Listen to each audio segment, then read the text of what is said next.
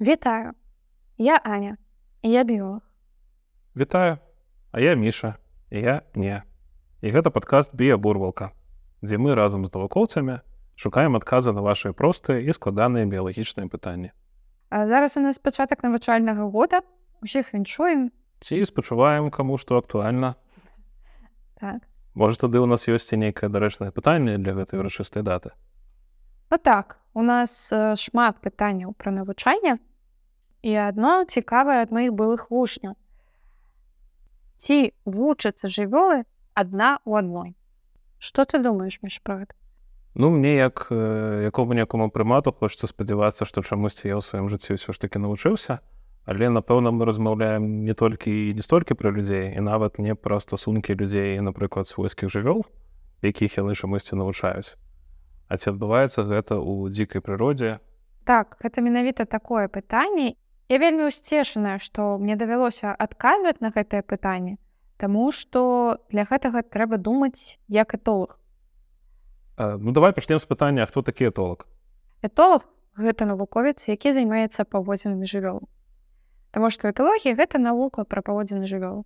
Але насамрэч не толькі навукоўцы вымушаныя думаць як этолагі бабулі ў вёсцы, у якіх шмат свойска жывёлы, свінні, каровы, куры. Яны павінны ведаць аб іх паводзінах, счытваць іх сігналы, думаць, як ім лепш. Людзі ў горадзе, напрыклад, якія маюць сабак. Яны павінны з імі займацца, навучаць іх рэагаваць на розныя стымулы, напрыклад, на незнаёмых людзей ці заходзяць у транспарт. Зараз яшчэ мядзведзе актуальная для беларусі тэма. О так зараз зараз яшчэ і медведзі беларусі зараз часта людзі сутыкаюцца з мядзведзямі і у гэтай сітуацыі разуменне паводзіна ў жывёлы яно нават важнае для выжывання але уяві сабе наколькі важным для выжывання было разумець паводзіны жывёлаў для нашых продкаў якія былі паляўнічымі спіральнікамі То бок можна сказаць, што мы ўсе ў пэўным сэнсе крыху этолагі. Але напэўна, ўсё ж такі не зусім паўнавартасныя этолагі, таму што ў навукоўцаў ёсць свой адмысловы падаход, якім у штодзённым жыцці мы не карыстаемся. Так і гэта такая перастрахоўка ад памылак, калі тое, што ты бачыш, яно не адпавядае рэчаіснасці. Ведаеш гэты анекдот пра варана і чалавека.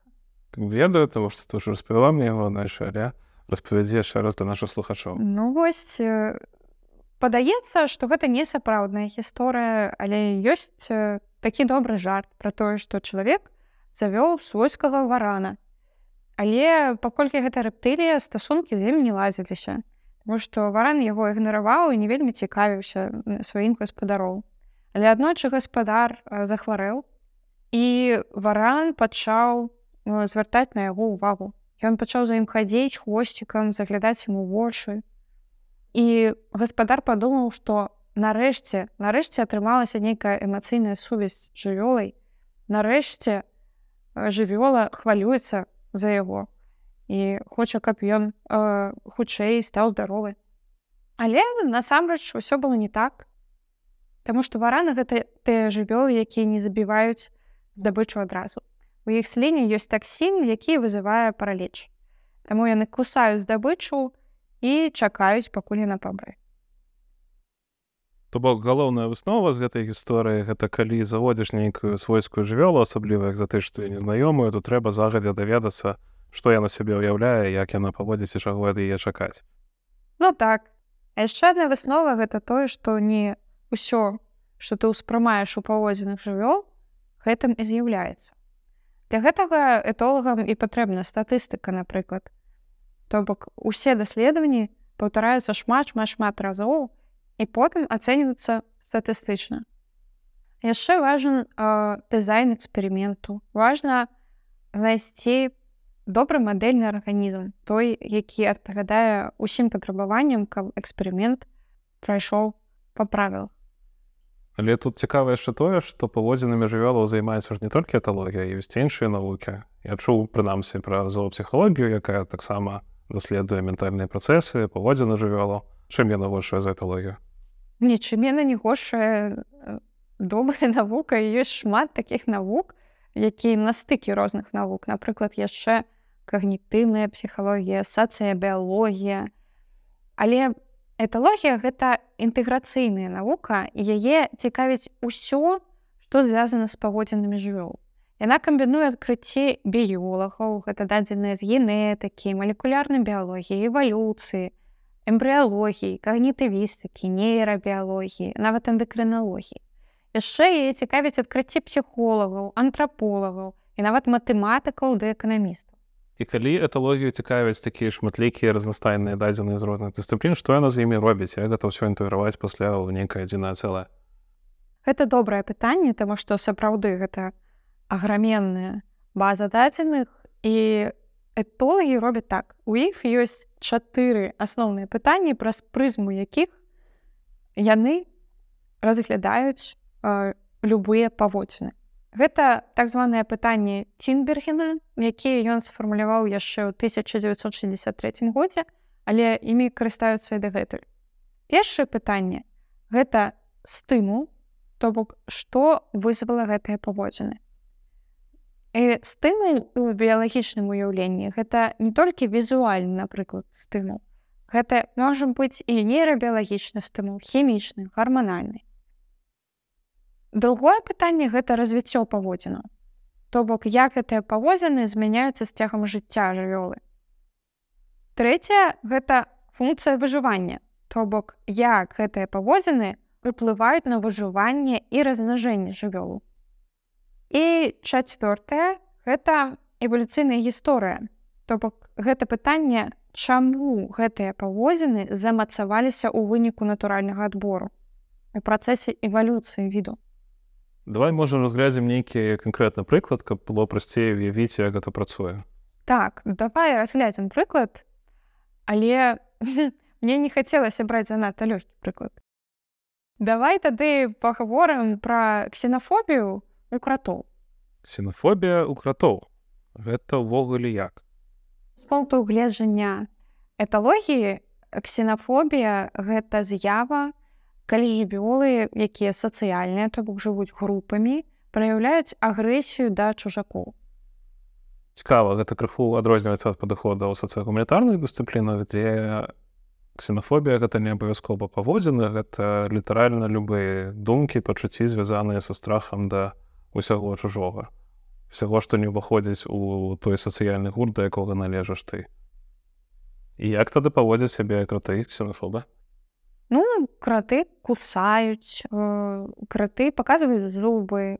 Але я думаю ты ж разумееш што яны не бачаць э, гэтага чужака Таму што ў іх рэдуктаваныя вочы і краты э, ім вочы патрэбныя больш для арыентацыі ў прасторы чым для зроку Ну гэта адзінае што памятаю сказкі дзімовачка это добра але што кратоў добра развітая гэта нюх і яны арыентуюцца на пах э, жывёлы каб зразумець э, ці гэта прадстаўнік іх групы ці не? То бок калі б мы былі этолагамі і намагаліся зразумець чаму існуе гэтая так званая ксенафобія ў кратоў нам трэба было разглядзець гэтыя паводзіны кратоў праз тыя чатыры пытанні цембергена нагадай што там было за першае пытанне першы як ты думаеш што стымулюе ксенафобію кратоў стымул як рот я чую пах крата які не належыць да маёй групы гэта стымулюе агрэсію так. Як ты думаеш як такія паводзіны развіваюцца у працэсе жыцця жывёл Ну думаю пакуль я малы напэўна я не здольная так моцна праяўляць агрэсію. І у мяне ёсць нейкія іншыя клопаты. Так. Э, як ты думаеш як э, такія паводзіны уплываюць на выжыванне? Думаю калі мы жывем групай кратоў то нам а, для нас вельмі істотна абараняць сваю тэрыторыю ад чужакоў таму што ресурсы абмежаваныя ледзь бы самім хапіла і таму гэта нам дапамагае выжыць што мы пільнуем каб ніхто чужы не пранік на нашу тэрыторыю і не з'еў там чаго мы не не трэбаем А як ты думаеш ёсць які-небудзь выпадкі калі ўсё ж такі можна і пазнаёміцца з чужаком?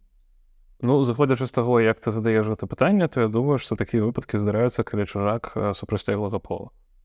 Так менавіта так таму што каб заснаваць новую калонію трэба каб нехта з дзяцей ўсё ж такі вырашыў ужо жыць асобна ад бацькоў сышоў знайшоў сабе пару ці знайшла і заснавала сваю такую вялікую сям'ю і апошняе пытанне як ты думаеш у працэсе эвалюцыі чаму гэтыя паводзіны захаваліся Таму што тыя краты якія не даюць чужым кратам з'есці сваю ежу лепш выжываюць так добра і такім чынам у нас ёсць гіпотэза што ксенафобія дапамагае выжываць ва ўмовах абмежаваных ресурсаў і тады напэўна лагічна яшчэ выказаць здагадку што ксенафобія гэта у тых жывёл якія жывуць ва умовах нестачы ежы больш выражаная чым у тых жывёлаў якім усяго хапае.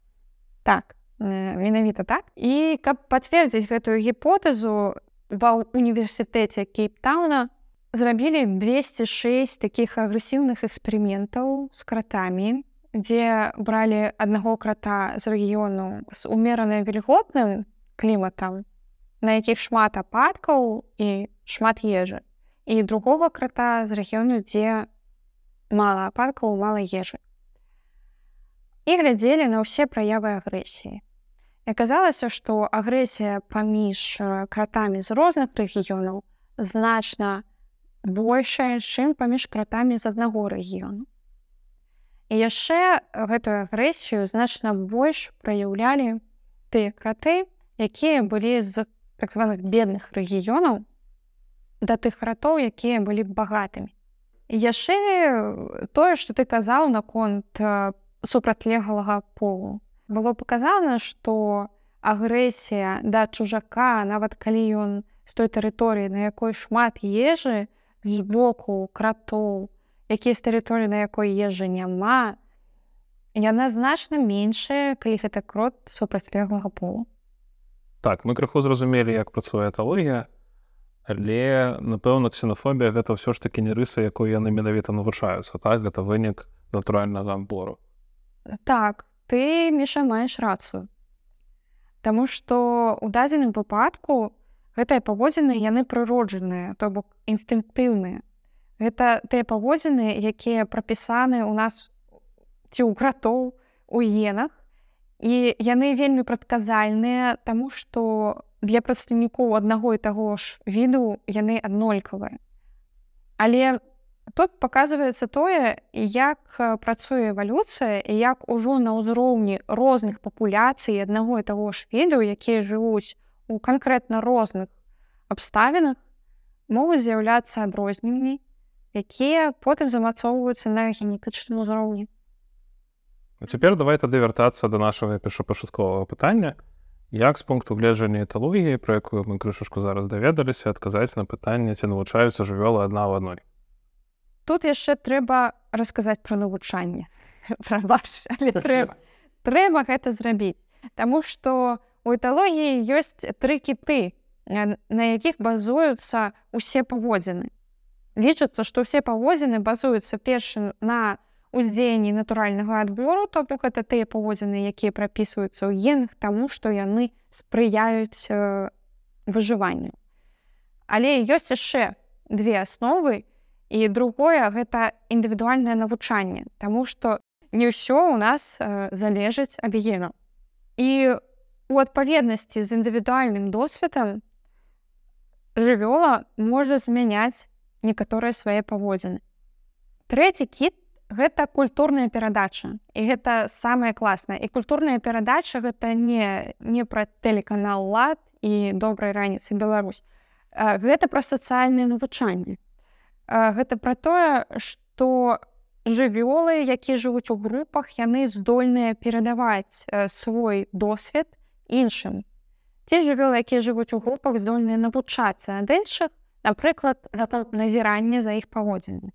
І гэта гушыць як якраз тое што цікавіць нас у дадзеным эпізодзе. Так гэта нас цікавасць больш за ўсё і гэта вельмі важна для эвалюцыі таму што такое сацыяльнае навучанне яны працуе значна на хутчэй чым натуральны адбор. Яно дазваляе жывёлам не наступаць на адны тыя ж граблі навучацца на памылках іншых і выжываць. І якога кшталту рэчам яны навучаюцца ў дзікай прырозе ну напрыклад што а што не. Давай разглядзім прыклад пацуку. Я думаю усе з нас ведаюць чым харчуюцца пацукі. Ну што знойдуць смеццем так калі яны жывуць асабліва ў горадзе гэта пераважна смецце што засталося ад нас ад людзей і зразумела што людзі выкідаюць не заўсёды тую ежу якая мае яшчэ добры тэрмін прыдатнасці Таму пацукам важна навучыцца знаходзіць тую ежу якую можна есці і есть тую ежу якую лепш не каштаваць І быў такі эксперымент, дзе вывучалі нарвежскіх пацукоў, назіралі менавіта за іх паводзінамі ў дачыненні ежы. Іх падзялілі на две групы назіральнікаў і дэманстратараў. Некаторы час назіральнікі і дэманстратары жылі ў адным памяшканні, потым дэманстратараў забралі у іншае памяшканне. Такая сумная гісторыя. І далі ім ежу. І некаторым дэманстратарам давалі ежу, якая пахла цынамонам, а некаторым ежу, якая пахла какала. Потым гэтых дэманстратараў вярталі да групы, у якой яны першапачаткова жылі. І давалі ім 15 хвілін, каб пастасавацца. Пасля гэтых стасункаў назіральнікаў на два дні адпраўлялі ў пакой, дзе давалі две талеркі. Адна талерка з ежай, якая пахне цынамону, іншая талерка з ежай, якая пахне какао. І у пераважнай большасці выпадкаў назіральнікі, якія дагэтуль не каштавалі гэтую ежу і не бачылі, як дэманстратары яе ядзяць. Выбіралі тую ежу, якую ели дэманстратары за групу. Таму што яны пачулі яе пах, калі стасаваліся гэтай 15 хвілін. Так, Таму што калі дэманстратараў вярталі на 15 хвілін у іх групу, пацукі паспелі панюхаць гэтых дэманстратараў і зразумець, што яны ели нейкую цікавую новую ежу і запомніць гэты пах.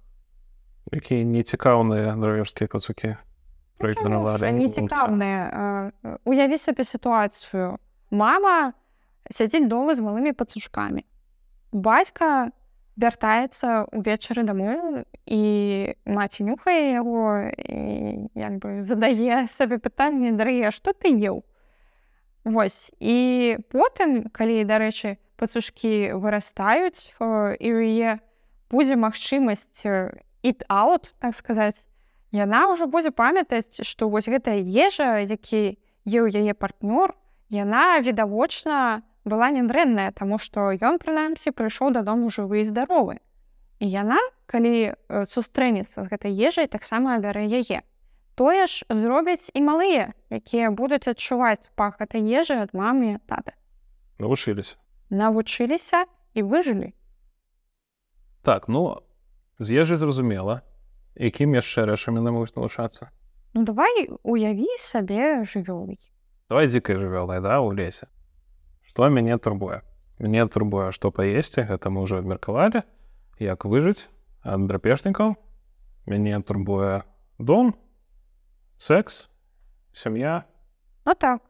Э, крыху распавяду пра секс і сям'ю маецца на ўвазе э, як выглядае партнёр які партнёр лепшы што рабіць каб з ім сустрэцца ці прыцягнуць яго ўвагу а сям'я гэта сямейныя адносіны хто з'яўляецца маім генетычным сваякоў каго не трэба турбаваць з кім трэба наадварот сварыцца і выганяць свой стай як клапаціцца пра малых і гэтак далей. Добра. Ты наступнае пытанне. Калі я вось зараз думаю пра сваё ўласнае навучанне напрыклад там у школе ва універсітэце у жыцці даволі шмат інфармацыі да нас у грамадстве трапляе якая не заўсёды відавочна як там і навошта трэба і наколькі яна карысная. Вось я нават зараз памятаю напрыклад што таксідэрміст па-японскі будзе хакусейсі наколькі мне гэта інфармацыя трэба калі яна мне спатрэбіцца ніколі. Я больш упэўлены ў гэтым. Забыцца гэта слова чамусьці не атрымліваецца. Ці заўсёды жывёлам карысна тая інфармацыя якую яны вывучаюць у дзікай прыродзе? Ну слухай а... мне падаецца што калі нешта захоўваецца яно карысна і нават калі мы не можам пабачыць гэта разглядаючы гэта з прыбліжанай перспектывы калі мы падымемся на перспектывы эвалюцыі мы можам зразумець чаму некаторыя рэчы застаюцца ў нашых паводзінах у нашай памяці чаму яны былі значныя і некаторыя рэчы якія мы не можам кантраляваць яны могуць быць значныя не для нас а былі значныя для наших продкаў напрыклад як рэакцыі бей ці бегі А ну гэта ж тое што па-ангельску называется fighter flight response калі нашы продкі сустракаліся з нейкім моцным стрэсам гэта рэакцыя дапамагала ім мабілізаваць рэсурсы арганізму каб альбо даць гэтаму стрэсару моцны фізічны адпор альбо бегчы ад яго як мага хутчэй вельмі зручна ў першабытным грамадстве калі давялося сустрэцца з жывёлянай напрыклад паводзінай якой ты не разумееш як мы абмяркоўвалі раней. Але не асабліва зручна для сучасных людзей калі з большай часткай з'яў які выклікаюць у нас непакой трэба спраўляцца зусім іншым чынам. Так так я цалкам з тобой згодная дарэчы пра не заўсёды відавочную карысць было такое цікавае даследаванне пра традыцыі у сініц чуў што-нибудь пра традыцыю сініц не не чуў сініцы дарэчы меліся на ўвазе менавіта тыя ж што ёсць і ў нас у беларусі парус майер але гэтыя сініцы яны жылі не ў беларусі яны жылі пад оксфортам брытанскія навукоўцы даследавалі брытанскіх сінец ну так і брытанскія навукоўцы высветлілі што у сінец ёсць так званая культурная перадача то бок сацыяльнае навучанне перадачы нейкага досведу іншым. Ці акцэптаванне гэтага досведу праз назіранне за паводзінамі іншых І гэта цікавае даследаванне, таму што дагэтуль да гэтага даследавання пра такую культурную перадачу у птушак э, нічога не было вядома. Насамрэч і ў большасці казалі пра культурную перадачу ў прыматаў. То бок усе здагадваліся, што яно ёсць, але даследаваннем, якія паказвалі, што ёсць культурная перадача у птушак у дзікай прыродзе яшчэ не было. І што яны перадаюць? Яны перадаюць навык адкрывання кармушкі з мучным чарвяком. А трэба сказаць, што за мучных чарвякоў сініцы гатовыя прадаць душу. Як гэта адбываецца? Першапачаткова была вялікая папуляцыя птушак сінічак, якія зімавалі ў лесе пад оксфортам. І яна падзялялася на некалькі субпапуляцый, у кожнай з якіх было 100-200 асобін кожнай з гэтых субпапуляцый узялі па два самца і пачалі іх адукаваць. Цягам некалькіх дзён ім дэманстравалі кармушку з прыадчыненай дзверкай, у якой ляжаў мучны чарвяк. Дзверка ў гэтай кармушцы адчынялася толькі ў адзін бок, ці ўлевы ці ўправа. Е трэба было соўваць і з іншага боку быў блок цягам чатырох сотняў сінішкі дзякуючы людзям якія крыху падсоўвалі гэтую дзверку кожны раз яны здагадаліся як гэта рабіць і навучыліся гэта рабіць. У адпаведны бок то бок група а таких адукаваных птушак яна сола гэтую дверцу ў правы бок група б у леву потым гэтых адукаваных самцоў іх выпусцілі ў тыя ж супапуляцыі, у якіх яны знаходзіліся дагэтуль топак да іх сем'яў сваяку. Во все этой папуляцыі паставілі кармушкі на вялікай адлегласці на 250 метров на адной то бок птушкі на розных кармушках не бачылі, што там адбываецца ну, на суседніх. Але там не было такой заканамернасці, у які бок адкрываць. бок там былі розныя варыянты. І ў гэтых субпапуляцыях гэты навык адкрывання кармушак пачаў вельмі хутка распаўсюджвацца. У першыя сотні больш за 70соткаў чальцоў гэтых субпапуляцый ўжо умелі адкрываць гэтыя кармушкі. У адрозненне ад кантрольнай групы, якой таксама далі такую кармушку, але да якой не дасылалі адукатараў. Трэба сказаць, што ў такіх групах, у якіх былі гэтыя адукаваныя самцы, усе чальцы папуляцыі пачыналі адкрываць кармушкі менавіта ў той бок, у які адкрывалі адукатары. У тых групах, дзе адукатары былі навучныя адкрываць кармушку ў левы бок, усе адкрывалі кармушку ў левы бок. У тых групах, дзе адукатары прыляцелі з навыкам адкрываць кармушку ў правы бок, усе пачалі адкрываць кармушку ў правы бок. І цікава яшчэ было паглядзець за тым, як развіваюцца гэтыя паводзіны з часам. І таму да гэтых папуляцый да іх вярнуліся праз 9 месяцаў. І традыцыі адкрывання ўлева ці ўправа яны засталіся і праз 9 месяцаў. А ці былі жывёлы, якія самі навучыліся і зразумелі, як адкрываць. Так, былі такія жывёлы. І цікава было назіраць за іх паводзінамі, Таму што нават калі яны першапачаткова адкрывалі кармушку нетрадыцыйным для іх групы спосабу, то бок, калі уся група адкрывала управа, а яны навучыліся адкрываць улева, цягам часу яны таксама пачыналі адкрываць кармушку у той бок, які адкрывае яе большасць. Было толькі тры нонканфармісты, якія як навучыліся, так і адкрывалі. Але гэта тры з 78 птушак, якія ляталі з адной групы ў іншую. Ну да, тут цікавая паралель з чалавечым грамадствам, дзе таксама існуе такая рэч як тренды ці мода, і яна даволі часта змяняецца.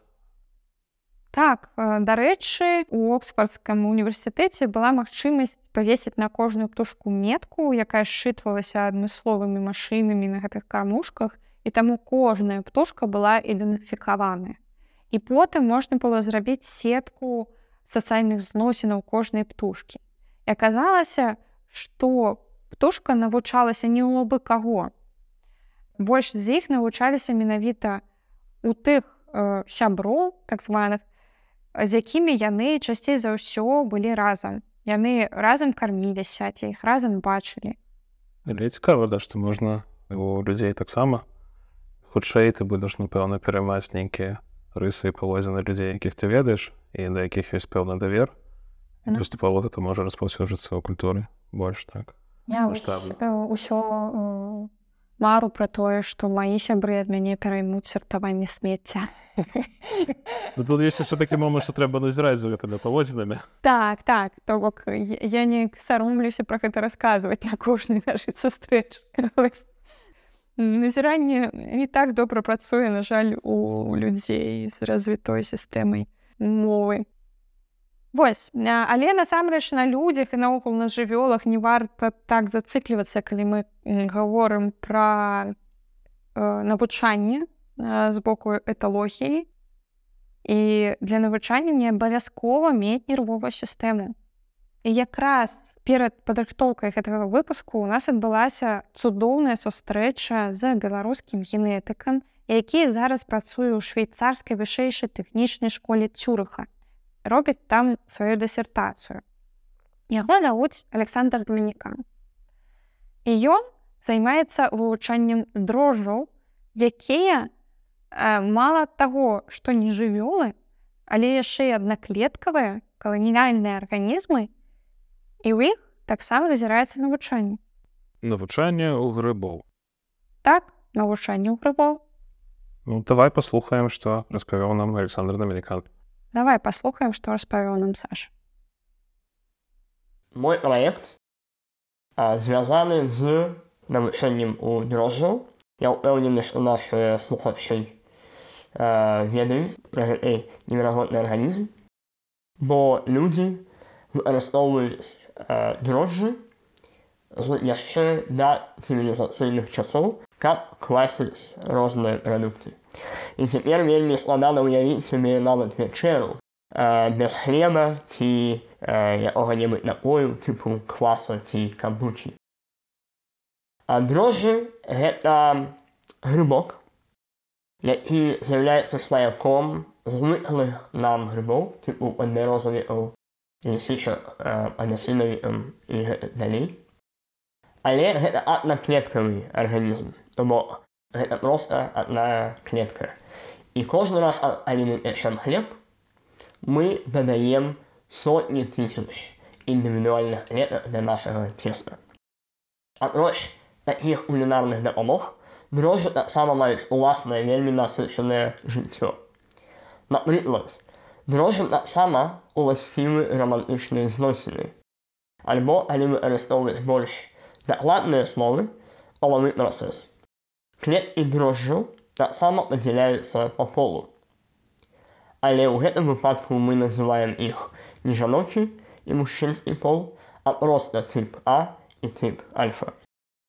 Калі дзве клеткі розных тыпаў сустракаюцца, яны адчуваюць прысутнасць адна адной, бо выдзяляюць у асяроддзе адмысловыя малекулы романтычнага характара, так званыя ферамоны. Клетка типу А реагуе на ферамон альфы і наадварот. І гэтым чынам яны пазнаюць і выбіраюць сабе палавого партнера. У маім праекце я вывучаю рэакцыю клетак на ферамон ва ўмовах, так бы мовіць, романтычнай фрустрацыі, але палавы партнёр недасягальны. У сваіх эксперыментах замест таго ад змешваць клеткі розных тыпаў, я надаю ачышчаныя малекулы ферамону типу альфа на клетак выключна типу А, то бок адсутнасць я падманваю іх у спадзелах знайсці сваю другую палову. У гэтым выпадку клеткі спачатку пачынаюць расці, спрабуючы дацягнуцца да неіснуючага партнёра, і такія намаганні могуць працягвацца цягам некалькіх гадзін. У пэўны момант, тым не менш, гэтыя падманутыя клеткі вырашаюць, што годзе з іх гэтай непрыстойнасці і цалкам пераключаюцца на іншы лад жыцця, і не звязаны з пошукамі партнёра. Іншымі словамі, дрожжы перастаюць рэагаваць на ферамон, і фармуюць стабільную памяць аб сваіх няўдалых романтычных спробах. Такая змена паводзінаў называецца звыканне, што з'яўляецца адной з самых простых формаў навучання. Менавіта дакладныя малькулярныя механізмы такой памяці і навучання я спрабую высветліць. Дзякуй вялікі Саша было вельмі цікава. Так ну вучыць нібыта мы набліжаемся да нейкай высновы якая галоўная мараль таго што мы сёння абмяркоўвалі Ну няхай мараль будзе такая што навучанне гэта працэс без якога нельга ўявіць эвалюцыю паводзіну. Не толькі жывёл але чалавека. Дзякуючы навучанню арганізмы хутчэй прыстасоўваюцца да зменлівых умоў якіх жывуць і дзякуючы культурнай перадачы яны яшчэ і дзеляцца гэтым досведам з іншымі. Бок вяртаючыся да нашага першапачатковага пытання так жывёлы навучаюцца адна в адной это мы уже можам сказаць адзінае што мне падалося што прыклады якія мы зараз абмяркоўвалі там амаль заўсёды жывёлы просто назіраюць адна за адной. Там няма такого как хтосьці жадаў моцна выступіць у ролі настаўніка прыйшоў прыляцеў і навучыўся так у гэтым выпуску у нас былі прыклады калі жывёлы навучаюцца адна у адной але не навучаюць адна адну. А ці ёсць прыклады калі навучаюць? Так ёсць прыклады калі навучаюць. І калі мы будзем про гэта размаўляць давай пагаворым про гэта ў наступным выпуску Ну тады да наступнага выпуску. Калі вы жадаеце больш даведацца пра тое што мы абмяркоўвалі сёння то вы можете знайсці спіс крыніц якімі мы карысталіся у нашым тэлеграм-канале і ў нстаграме Дарэчы там жа ў тэлеграме вы можете задаць нам свае пытанні для наступных эпізодаў до новых сустрэч Да сустрэчы.